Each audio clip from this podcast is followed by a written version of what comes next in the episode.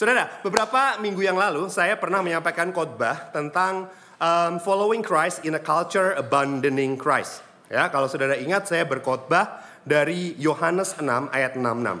Ya, orang banyak berbondong-bondong mengikuti Yesus, tetapi kemudian secara serentak mereka berbalik, ramai-ramai meninggalkan Yesus. Hanya sisa 12 orang. Ya, masih ada yang ingat saudara? Yang ingat boleh angkat tangannya? Oke, Oke, kalau nggak ingat saya mungkin harus mengulangin lagi. Jadi khotbahnya double. Jadi saya tanya sekali lagi, siapa yang ingat? Nah, sekarang saya jadi ragu. Saudara yang angkat tangan itu benar-benar ingat atau nggak mau saya khotbah panjang hari ini? Tapi gini aja deh, saudara bagi saudara yang belum sempat mendengarnya atau ingin mendengar lagi, saudara bisa melihatnya di YouTube ya, tanggalnya 3 Juli 2022. Nah, hari ini itu bisa dibilang merupakan sequelnya. Jadi bukan cuma Squid Game yang punya sequel, tapi khotbah saya pun juga ada sequelnya. Nah, saudara hari ini kita akan um, khususnya berbicara mengenai keraguan iman. Ya, saudara ini merupakan satu topik yang saya rasa jangan jarang dikhotbahkan, tetapi sangat penting. Karena apa saudara? Karena keraguan iman sering kali menjadi titik awal dari perjalanan seseorang meninggalkan Kristus. Keraguan iman sering kali menjadi titik awal dari perjalanan seseorang meninggalkan Yesus. John Marriott ya bukan pengusaha hotel tapi peneliti yang mempelajari tren orang-orang percaya meninggalkan imannya, ia menyimpulkan seperti ini. The deconversion process begins with a crisis of faith. A significant event occurred that caused the believer to question his or her faith. Each crisis was unique to the individual, but every person reported a crisis moment. Jadi proses seseorang untuk meninggalkan Yesus dimulai dengan sebuah krisis iman sesuatu terjadi terhadap seseorang, entah itu kejadian yang besar, entah itu kejadian yang kecil, dan itu membuatnya mulai mempertanyakan imannya. Nah, saudara, hal yang menyebabkan krisis itu bisa berbeda setiap orang, tetapi semua orang yang meninggalkan Yesus melaporkan bahwa mereka pernah mengalami keraguan iman, mereka pernah mengalami krisis iman. Di dalam bukunya John Marriott uh, menceritakan beberapa kesaksian orang-orang seperti itu. Salah satunya Donald. Ya, Donald di sini dia adalah tentara Amerika yang dikirim ke Irak. Dan di Irak dia berkenalan dengan begitu banyak orang muslim. Ia bersahabat dengan mereka. Ia menemukan bahwa mereka itu sangat ramah, mereka sangat terbuka, mereka sangat baik. Mereka sangat respect kepadanya, mereka sangat menghargainya. Berbeda dengan stereotip-stereotip yang pernah ia dengar ketika ia masih berada di Amerika. Dan dari persahabatan inilah Donald mulai mempertanyakan imannya. Mungkinkah orang-orang sebaik ini dihukum di neraka hanya karena mereka muslim? Dan ini exact quote yang dia katakan. Here was this guy. He was married and had children and he was trying to do what he thought was best for his family.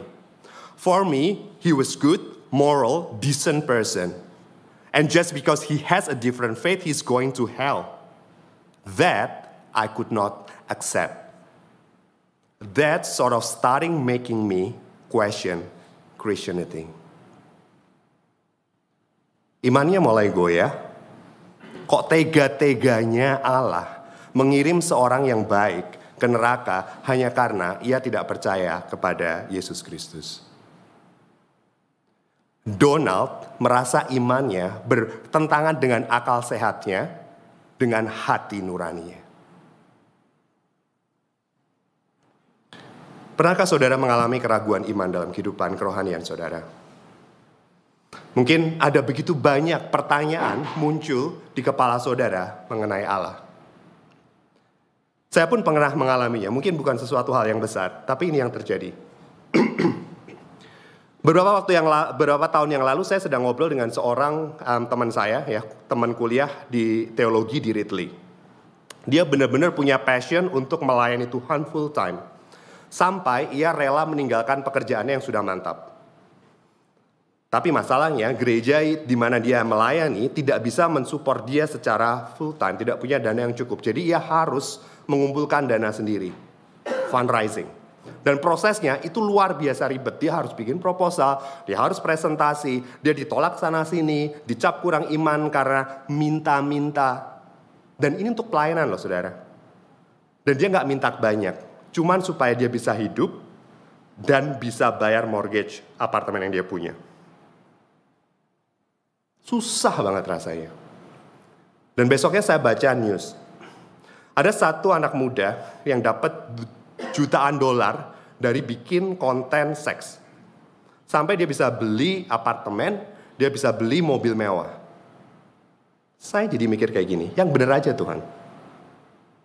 Ini ada anakmu cari dana untuk melayani, susah luar biasa. Dia nggak minta jet pribadi loh untuk pelayanan. Dia cuma minta makan, dan bayar mortgage. Itu aja rasanya kayak dorong mobil mogok. Nah ini, ada orang yang bikin konten seks. Kok engkau berkati dengan limpah-limpah? Bukannya harusnya teman saya ini yang diberkati berlimpah-limpah supaya ketika pelayanan bisa tenang.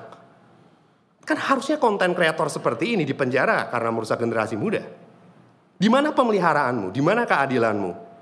Tuhan nggak becus kan?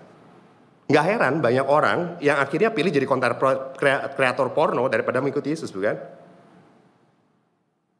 Mungkin ini bukan kisah yang besar, tapi ini membuat saya bimbang.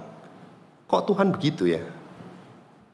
Pernah nggak saudara mengalami apa yang dirasakan oleh Donald? Dan mungkin saudara punya pengalaman, punya pertanyaan mengenai Tuhan seperti saya. Kalau pernah, ternyata kita nggak sendirian saudara banyak tokoh Alkitab yang ternyata pernah punya pertanyaan seperti ini, pernah mengalami goncangan iman, tetapi mereka tidak sampai meninggalkan Yesus. Dan hari ini kita mau belajar bersama-sama. Sehingga apa? Kebimbangan yang kita punya tidak berakhir dengan kita meninggalkan Yesus. Kebimbangan yang kita punya tidak berakhir dengan ketidakpercayaan seperti tren yang sedang terjadi saat ini. Saudara siap belajar? Oke. Hari ini kita akan belajar dari Yohanes Pembaptis ya. Jadi bukan Yohanes murid Yesus yang menulis Injil Yohanes, tetapi Yohanes Pembaptis. Yohanes yang membaptis Yesus di Sungai Yordan. Oke? Saya ajak saudara untuk uh, membuka Alkitab saudara di Matius 11 ayat 2 sampai 6. Matius 11 ayat 2 sampai 6. Ya. Sambil saudara mencari Alkitabnya di smartphone suci saudara, saya akan ceritakan sedikit latar belakangnya. Yohanes Pembaptis ya, saya panggil Yohanes saja ya saudara biar nggak belibet gitu ya. Lagi di penjara. Pada saat itu dia sedang ditahan oleh Raja Herodes Antipas. Gegaranya Yohanes itu menegur Raja Herodes karena dia selingkuh dengan Herodias istri saudaranya. Jadi Yohanes Pembaptis bilang, nggak halal itu ya menikahi istri kakakmu sendiri. Dan tentunya Raja Herodes Antipas nggak happy kan, dia ditahan, dia dilemparkan ke dalam penjara. Dan di dalam penjara inilah Yohanes mengalami krisis iman. Dan ini yang akan kita pelajari hari ini. Matius 11 ayat 2 sampai 6. Saya akan bacakan saudara, bagi saudara, saudara um, ikuti di Alkitab saudara dan jangan tutup ya Alkitab saudara biar stay open um, selama khotbah. Dalam penjara, Yohanes mendengar tentang pekerjaan Kristus, ya maksudnya apa yang Yesus lakukan. Lalu menyuruh murid-muridnya bertanya kepadanya, kepada Yesus. Engkaukah yang akan datang itu atau haruskah kami menantikan orang lain? Yesus menjawab mereka, "Pergilah dan katakanlah kepada Yohanes apa yang kamu dengar dan kamu lihat."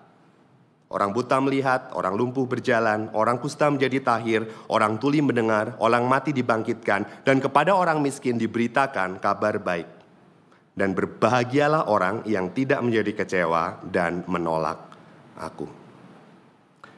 Saudara, apa yang ada di pikiran saudara ketika saudara mendengarkan kisah ini?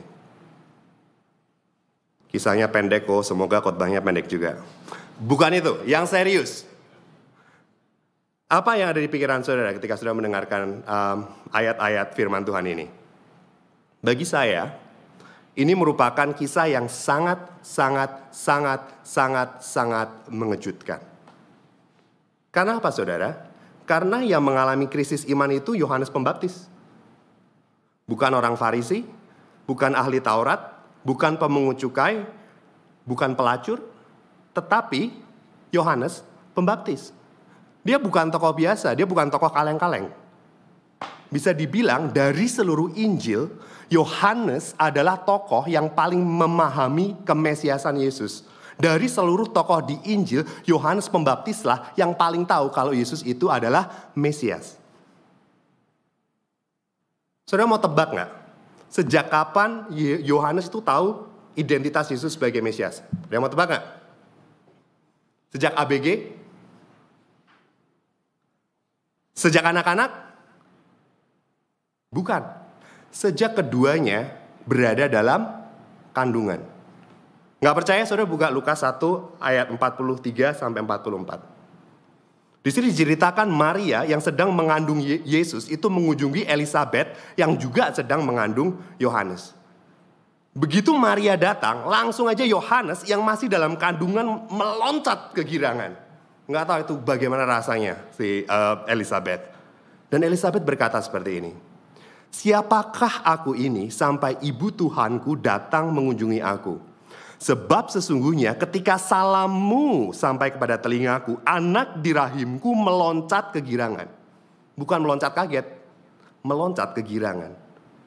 Yohanes belum lahir, tapi dia sudah merasa Tuhannya datang, Mesiasnya datang. Karena itu dia meloncat penuh sukacita. Dan saudara tahu bahwa Yohanes Pembaptislah yang mempersiapkan kedatangan Yesus. Jelas dia tahu Yesus itu Mesias yang dijanjikan. Kita lihat Matius 3 ayat 11. Aku di sini merefer kepada Yohanes Pembaptis, aku membaptis kamu dengan air sebagai tanda pertobatan, tetapi ia yang datang kemudian daripadaku, yaitu Yesus, lebih berkuasa daripadaku, dan aku tidak layak melepaskan kasutnya. Ia mem akan membaptis kamu dengan roh kudus dan dengan api. Dia tahu Yesuslah Mesias yang akan datang yang lebih berkuasa dari dia. Saudara setuju nggak kalau Yohanes itu tokoh yang paling tahu kalau Yesus itu Mesias? Setuju nggak saudara? Ya, aku aja ya. Saya nggak bisa lihat muka ekspresi kalian karena kebanyakan pakai masker. Tapi coba uh, lebih responsif ya. Jadi saya juga lebih uh, enak, lebih bisa um, interaksi dengan saudara. Harusnya saudara Sekalipun semua orang meragukan Yesus, Yohanes tetap berdiri teguh, betul? Tetapi kenyataannya ia pun sempat bimbang. Orang yang mempersiapkan jalan bagi Tuhan bimbang kalau Yesus itu Mesias. Lalu apa yang kita bisa pelajarin dari sini? Tidak ada seorang pun yang imun dari krisis iman. Tidak ada seorang pun yang imun dari krisis iman. Kalau Yohanes Pembaptis yang mendapat pewahyuan langsung dari Roh Kudus, kalau Yohanes Pembaptis yang mempersiapkan kedatangan Yesus saja bisa ragu, apalagi kita, betul? Dan ternyata krisis iman itu bisa dialami oleh orang-orang yang mengasihi Yesus. Ternyata krisis iman bukan dialami oleh orang-orang yang lemah iman, orang-orang yang cuma ikut-ikutan. Orang yang mengasihi Yesus, orang yang mengikuti Yesus dengan serius pun masih dapat mengalami keraguan iman. Karena begini saudara, sebenarnya kebimbangan itu hanya dirasakan oleh orang yang serius dengan imannya. Ya, saya katakan sekali lagi, keraguan itu hanya dirasakan oleh orang yang serius. Andai, ya, andai ya saudara ya, Andai saudara nggak serius dengerin khotbah saya dan saudara nggak ngerti, saudara bakal nanya-nanya nggak? Nggak kan? Bomat. Kenapa? Because you don't care.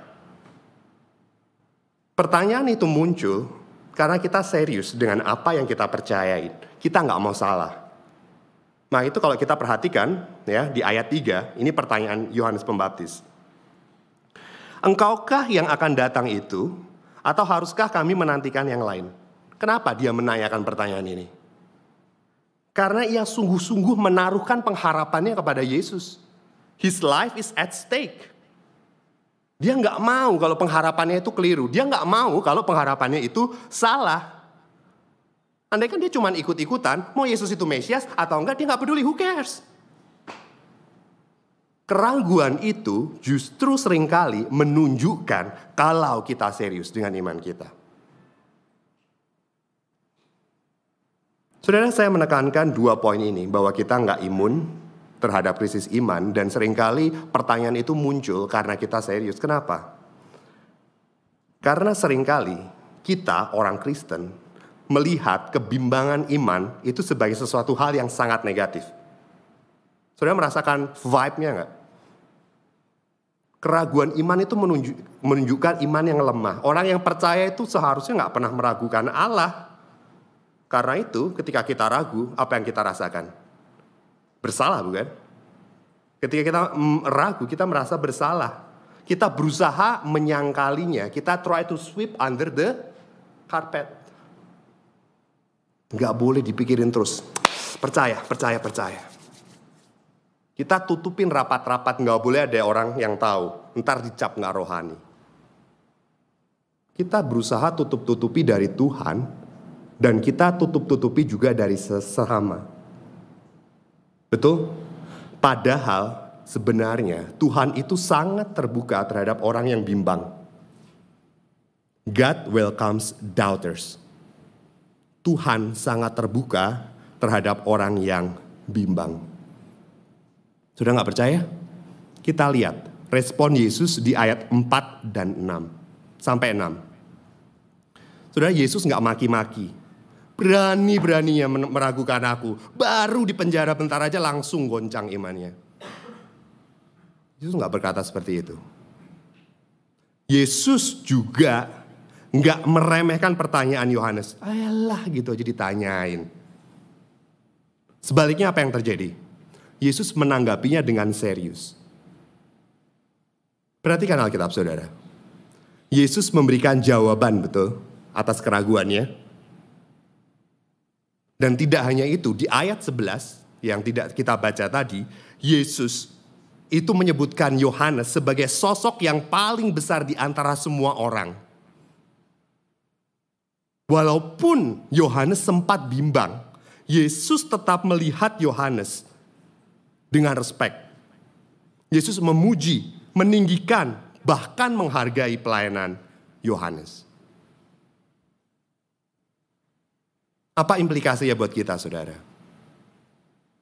Keraguan iman itu merupakan bagian dari kehidupan kekristenan kita. Kita nggak perlu bersalah, kita nggak perlu bertutup-tutupin. Yang perlu kita lakukan sama seperti Yohanes, kita bawa pertanyaan kita, kita bawa keraguan kita kepada Yesus. Apa adanya. Supaya apa? Supaya kita mendapatkan penyelesaian supaya kita mendapatkan kekuatan. Mungkin jawabannya nggak sesuai dengan ekspektasi kita. Tetapi yang pasti, Allah tidak merendahkan kita. Allah tidak menertawai kita. Allah tidak memarahi kita. Allah tidak memandang rendah kita. Allah menerima kita. Ia tetap mengasihi kita. Amin. Karena itu, bawa keraguan pertanyaan saudara dalam doa datang kepada Yesus. Ini yang saya ingin kita semua pegang hari ini. Ketika kita memiliki kebimbangan, ketika kita mempunyai banyak pertanyaan, datang kepada Yesus. Bawa keraguan kita kepadanya. Bawa setiap pertanyaan kita kepadanya. Nah saudara, saya akan ajak saudara untuk lebih dalam lagi keraguan Yohanes Pembaptis.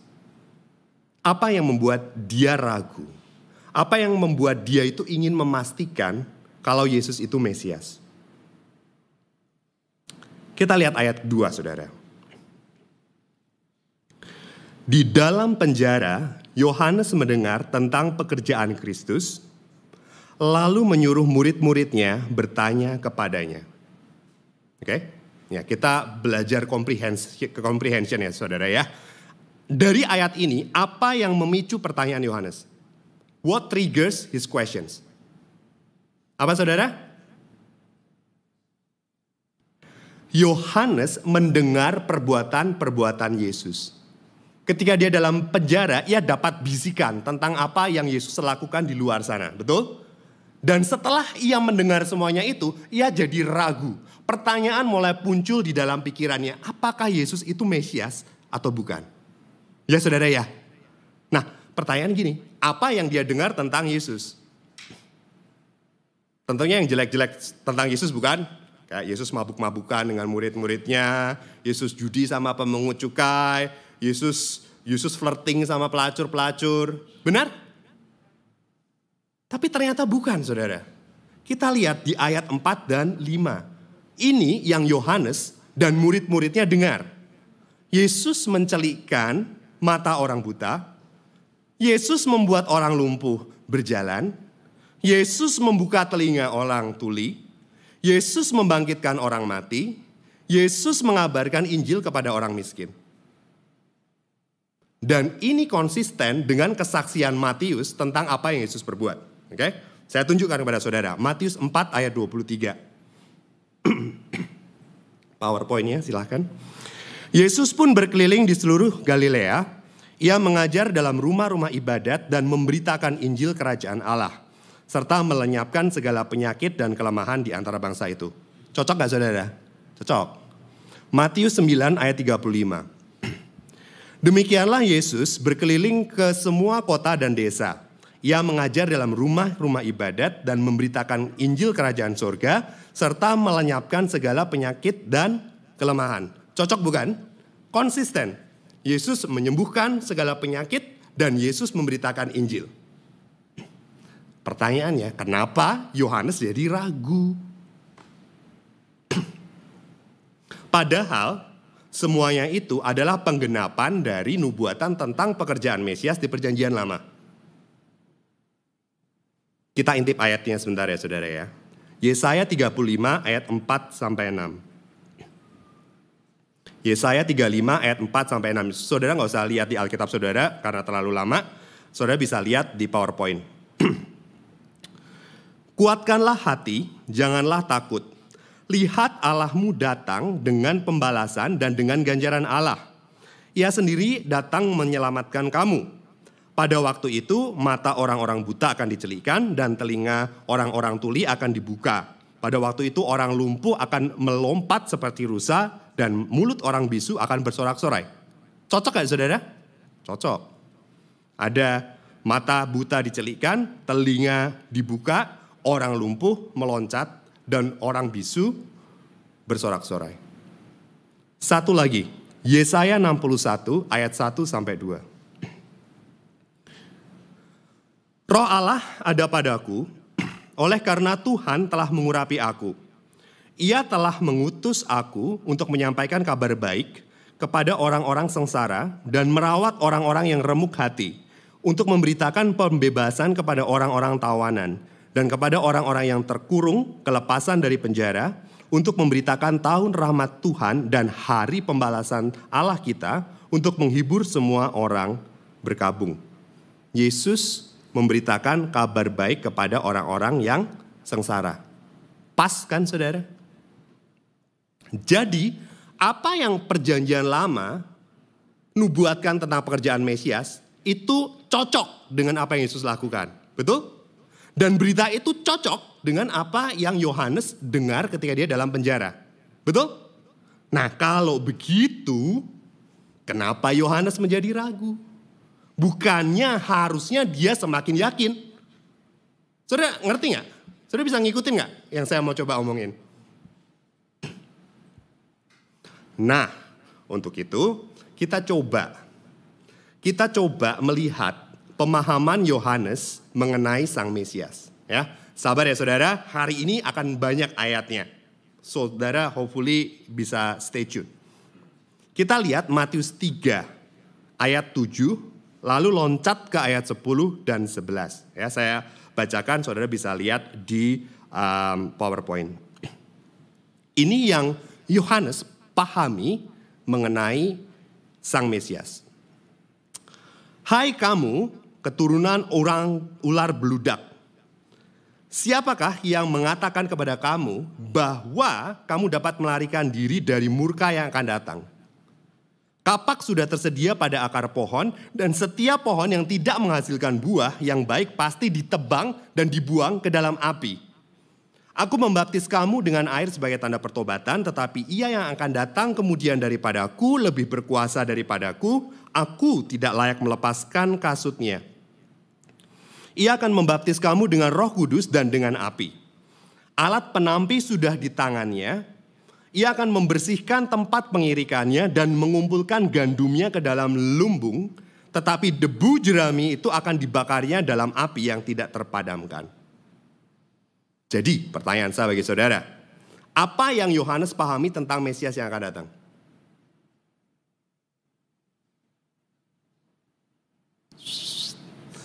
Mesias datang untuk menghukum orang-orang berdosa. Kalau sudah perhatikan, di situ ada kata kapak, tebang, buang, bakar, api. Itu semuanya simbol penghakiman, bukan? Yang Yohanes pahami tentang sosok Mesias, itu Mesias akan datang dan memberikan penghakiman bagi orang-orang berdosa. Nah, kalau begitu, saudara sekarang bisa menebak bukan? Kenapa Yohanes menjadi ragu ketika ia mendengar apa yang Yesus lakukan? Are you with me? Jadi ia bimbang karena apa saudara?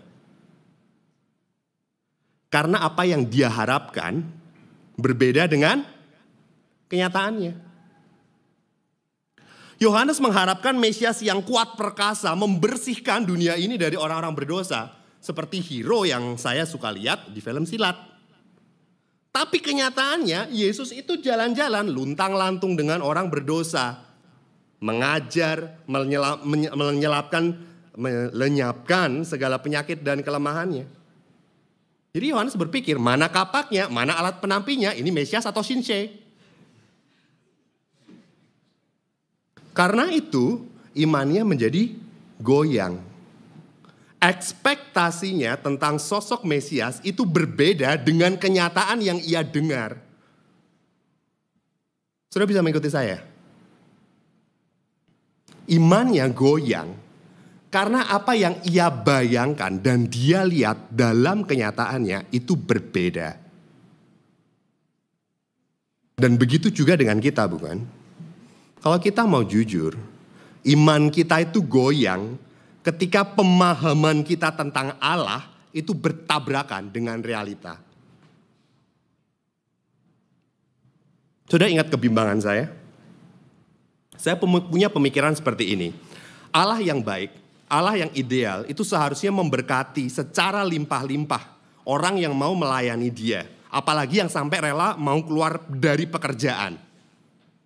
Tapi kenyataannya teman saya yang mau melayani susah banget dapat financial support ditambah konten kreator porno yang duitnya berlimpah-limpah, saya jadi goncang. Tuhan itu nggak seharusnya seperti ini. Apa yang saya harapkan berbeda dengan apa yang terjadi kenyataannya. Nah, begini saudara.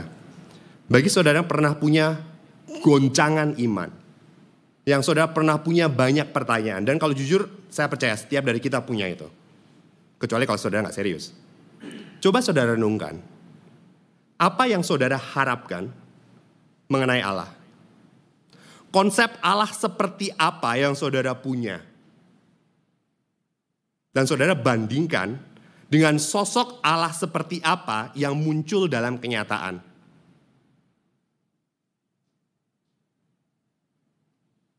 Allah yang mengasihi seharusnya menyembuhkan saya dong. Katanya kita ini biji matanya, kok malah disia-sia. Sampai kena penyakit, mau makan, mau kerja pun jadi susah. Atau harusnya Allah itu kan adil, yang berdosa itu dihukum. Sampai menderita. Kenapa pala papa saya yang menderita, justru mama saya yang selingkuh, hidup foya-foya sama toy boynya.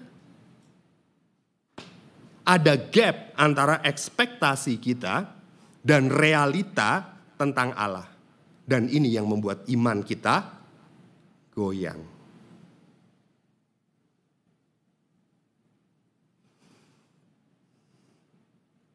Kita kembali ke kisah Yohanes Pembaptis. Pertanyaannya seperti ini saudara.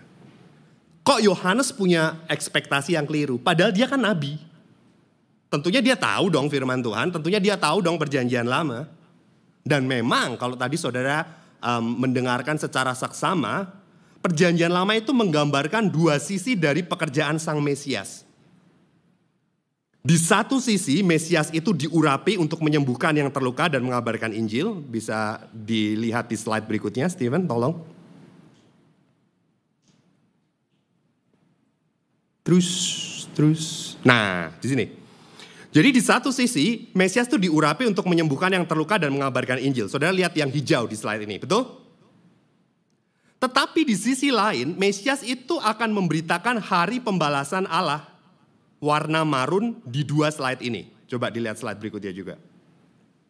Ya, ada dua-dua sisi itu kan? Betul? Saudara bisa nangkap? Ada dua sisi Mesias yang pertama menyelamatkan, yang satu menghukum. Nah, pertanyaannya kenapa yang nempel di pikirannya si Yohanes itu cuma satu aja. Satu sisi aja. Yaitu Mesias yang menjalankan penghakiman Allah. Yang marun itu. Kenapa sosok Mesias yang hijau, yang menyembuhkan, yang memberitakan Injil itu seolah hilang dari pemikiran Yohanes Pembaptis? Saudara, ngerti? Saya menemukan ada beberapa faktor yang mungkin membentuk pemahaman Yohanes mengenai Sang Mesias yang akan datang. Dan ini juga faktor yang membentuk pemahaman kita akan Tuhan. Yang pertama, latar belakang Yohanes. Kalau sudah perhatikan, Alkitab itu menggambarkan Yohanes sebagai nabi yang jujur.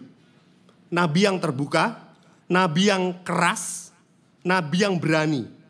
Bagi dia semuanya itu black and white. Bener ya bener, salah ya salah. Nggak ada kompromi di tengah.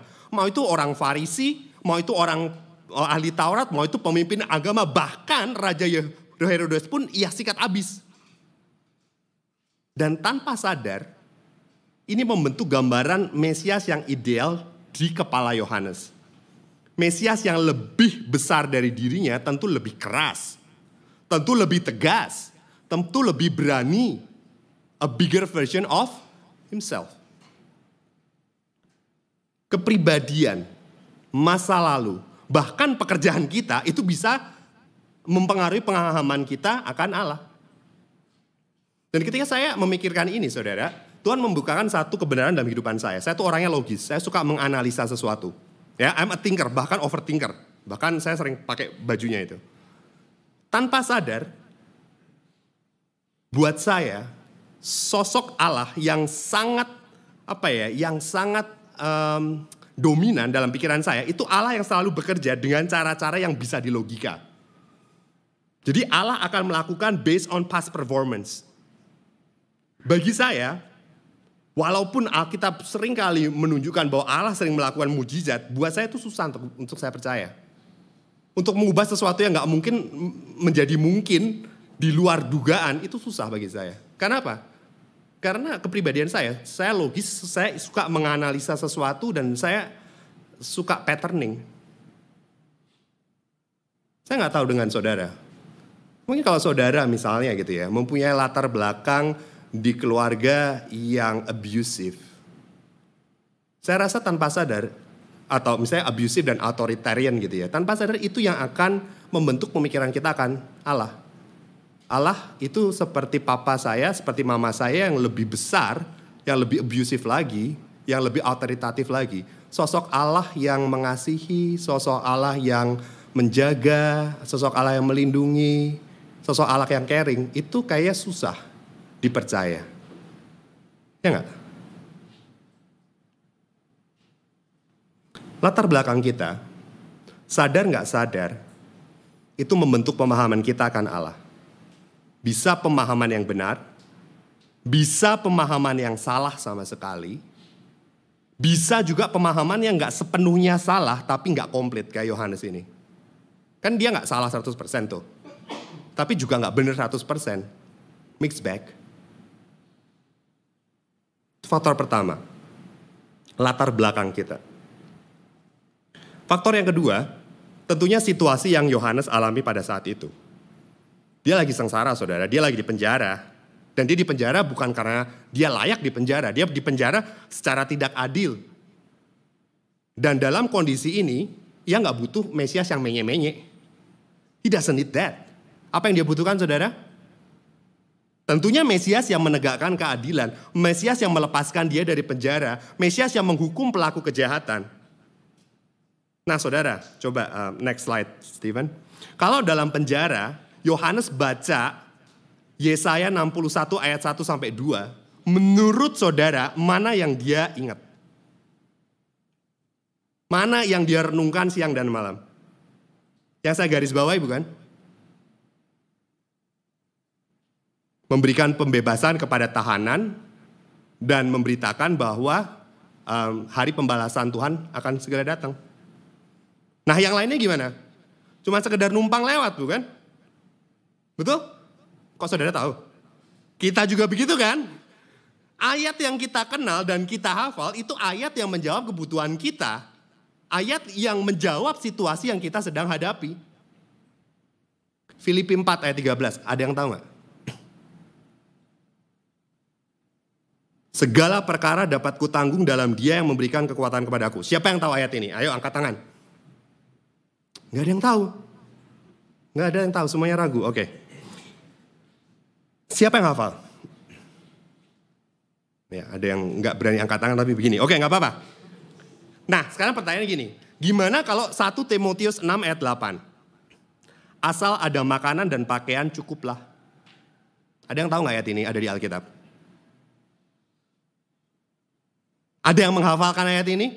Direnungkan tiap malam. Asal ada makanan dan pakaian cukuplah. Nggak ada kan? Padahal sama-sama tulisan Rasul Paulus. Padahal sama-sama ada di Alkitab. Ya memang yang kedua nggak ada di Instagram. Nggak ketawa? Bener kan? Ada yang pernah lihat ayat itu? Ada makanan dan pakaian cukuplah di Instagram. Ada yang lihat? Nggak ada kan? Makanya baca Alkitab. Jangan cuma lihat quote-quote di, di, di, di Instagram. Anyway. Kita nggak even tahu ayat ini. Karena apa? Karena ini nggak relevan buat kita. Karena nggak menjawab kebutuhan kita bukan? Faktor situasi yang kita alami shape our understanding of God. Dan berikutnya, situasi masyarakat pada zaman itu. Bangsa Israel pada saat itu saudara sedang berada dalam penjajahan bangsa asing. Dia sangat menderita. Bukan hanya itu saja, mereka masih terus dibebani oleh begitu banyak peraturan agama oleh um, ahli ahli Taurat dan orang-orang Farisi. Dan saudara bisa menebak, bukan? Apa yang mereka tunggu-tunggu? Pembebasan. Bebas dari penjajahan, bebas dari orang jahat, bebas dari pemimpin agama yang munafik. Dan situasi ini uh, membentuk konsep Mesias juga di kepala Yohanes. Ke mana-mana, dia mau ke salon, dia mau ke restoran, dia mau ke mana, baca koran, yang diomongin itu Mesias yang membebaskan. Dan tentunya ini semakin menggarisbawahi bukan? Di kepala Yohanes, sosok Mesias itu sosok yang membebaskan. Sosok yang menghukum bedebah-bedebah berdosa ini. Dan ini yang terjadi juga kan di zaman kita. Betul nggak saudara? Kalau kita mau um, jeli ya, dunia kita itu semakin lama semakin jauh dari Tuhan, betul? Tidak berpusat lagi kepada Tuhan, tetapi berpusat kepada manusia, me-centered. Tanpa sadar ini membentuk ekspektasi kita terhadap Tuhan, bukan? Kita ingin sosok Mesias yang menomorsatukan kita, kita suka Allah yang mengasihi kita, menerima kita regardless bagaimana cara kita hidup. We want a God that makes us feel good. Kita merindukan Allah yang penuh kuasa, yang siap sedia mengerjakan segala keinginan dan impian kita. Kita punya rencana Tuhan kerjakan tepat seperti apa yang kita mau. Karena itu, ketika hidup kita nggak seperti yang kita mau, kita menjadi kecewa dan bimbang. The world we live in shape our understanding of God. Jadi kita perlu waspada saudara. Coba kita renungkan bagaimana latar belakang kita. Bagaimana situasi yang kita alami. Bagaimana dunia sekitar kita itu membentuk pemikiran kita, pemahaman kita akan Tuhan. membentuk ekspektasi kita akan Allah. Dan mungkin sering kali nggak 100% salah saudara, ada kebenaran dari pemahaman kita akan Allah, tetapi sering kali seperti Yohanes Pembaptis, pemahaman kita itu skewed. Skewed itu apa ya bahasa Indonesia ya? Um, tidak imbang, nggak balance. Kita menekankan satu sisi dari Allah, dan kita melupakan sisi lainnya dari Allah.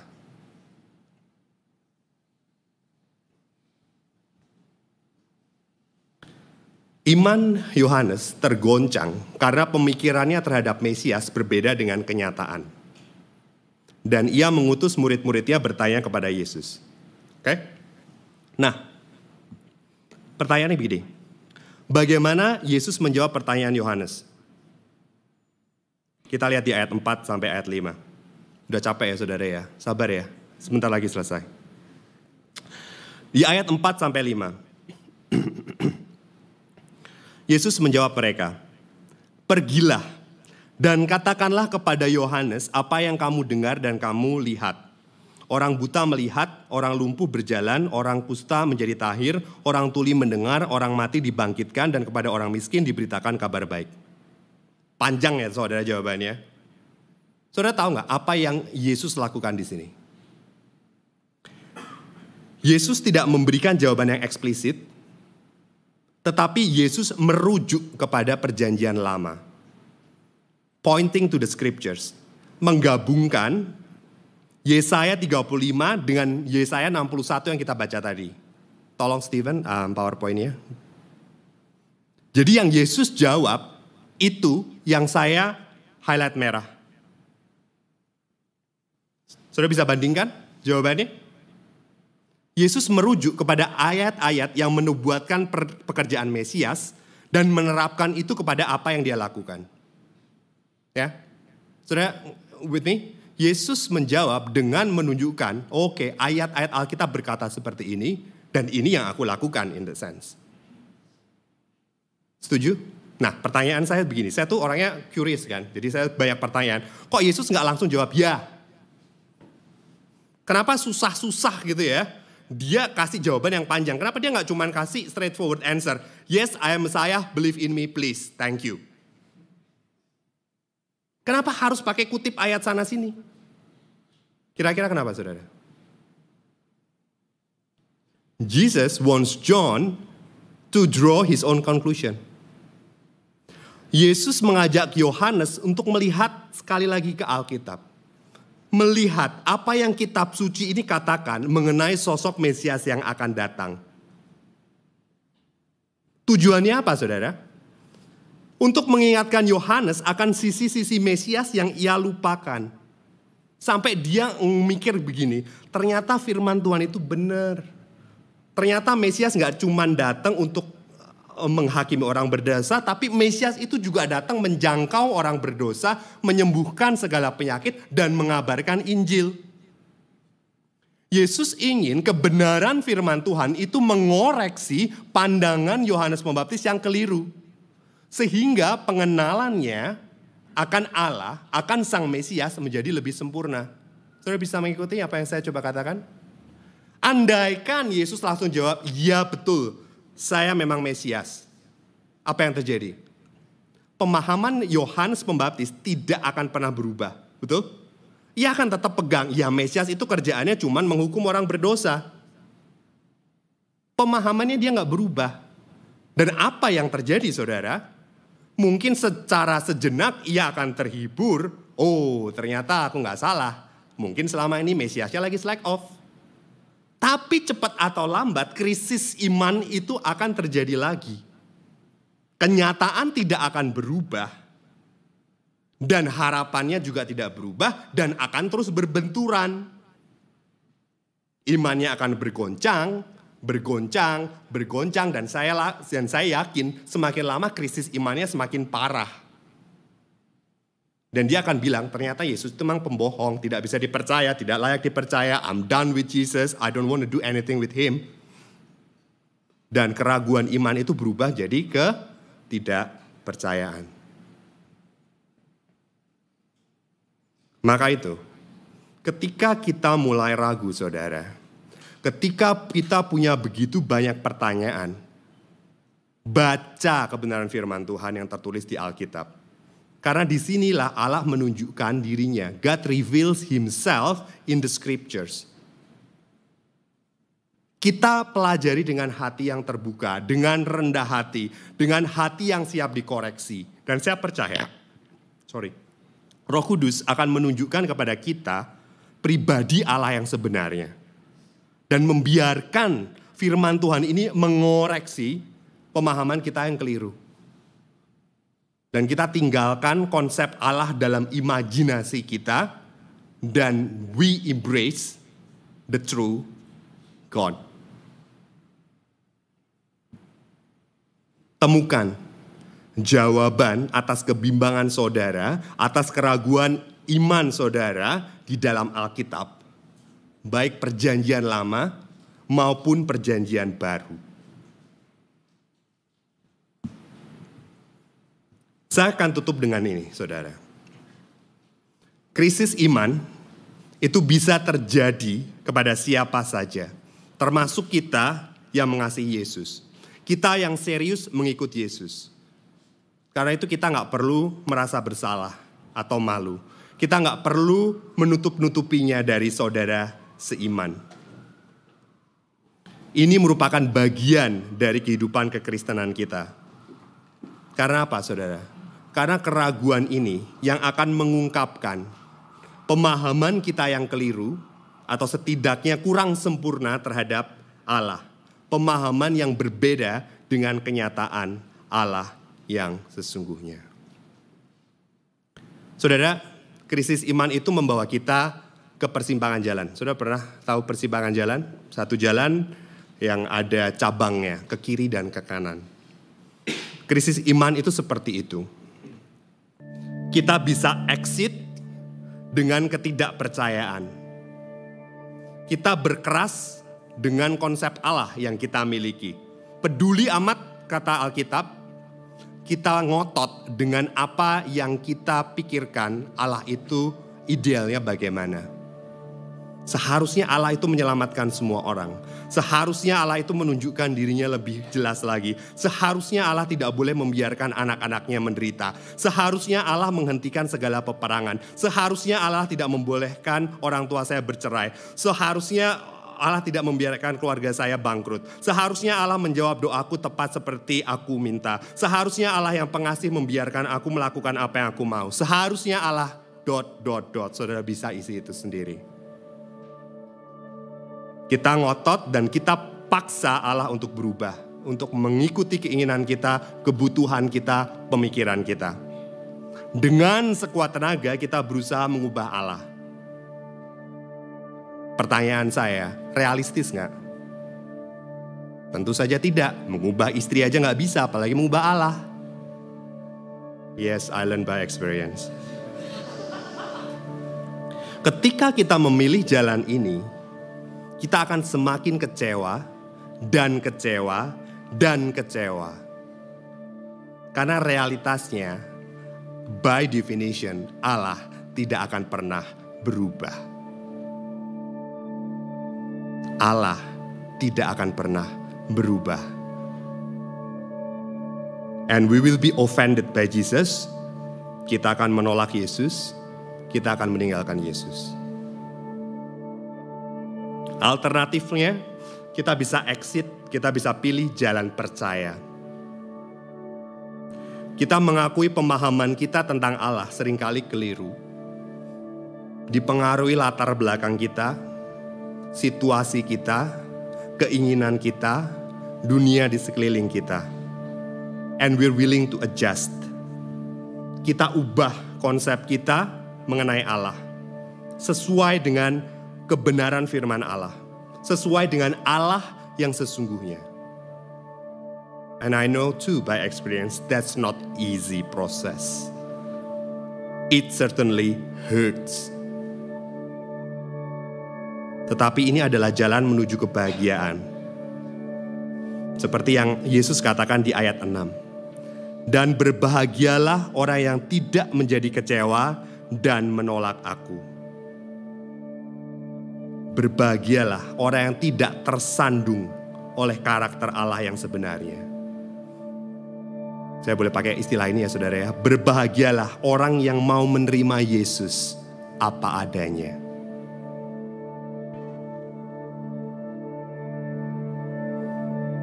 Betul saudara, kita hidup di dunia di mana semakin banyak orang meninggalkan Yesus.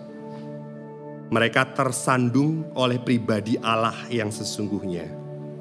Sehingga mereka tidak mau lagi percaya kepada Yesus. Sang Mesias, Sang Penyelamat dunia. But what I'm trying to say to you today, your doubt should your doubt doesn't have to end in unbelief. Rather, your doubt is an invitation from Jesus to a deeper faith.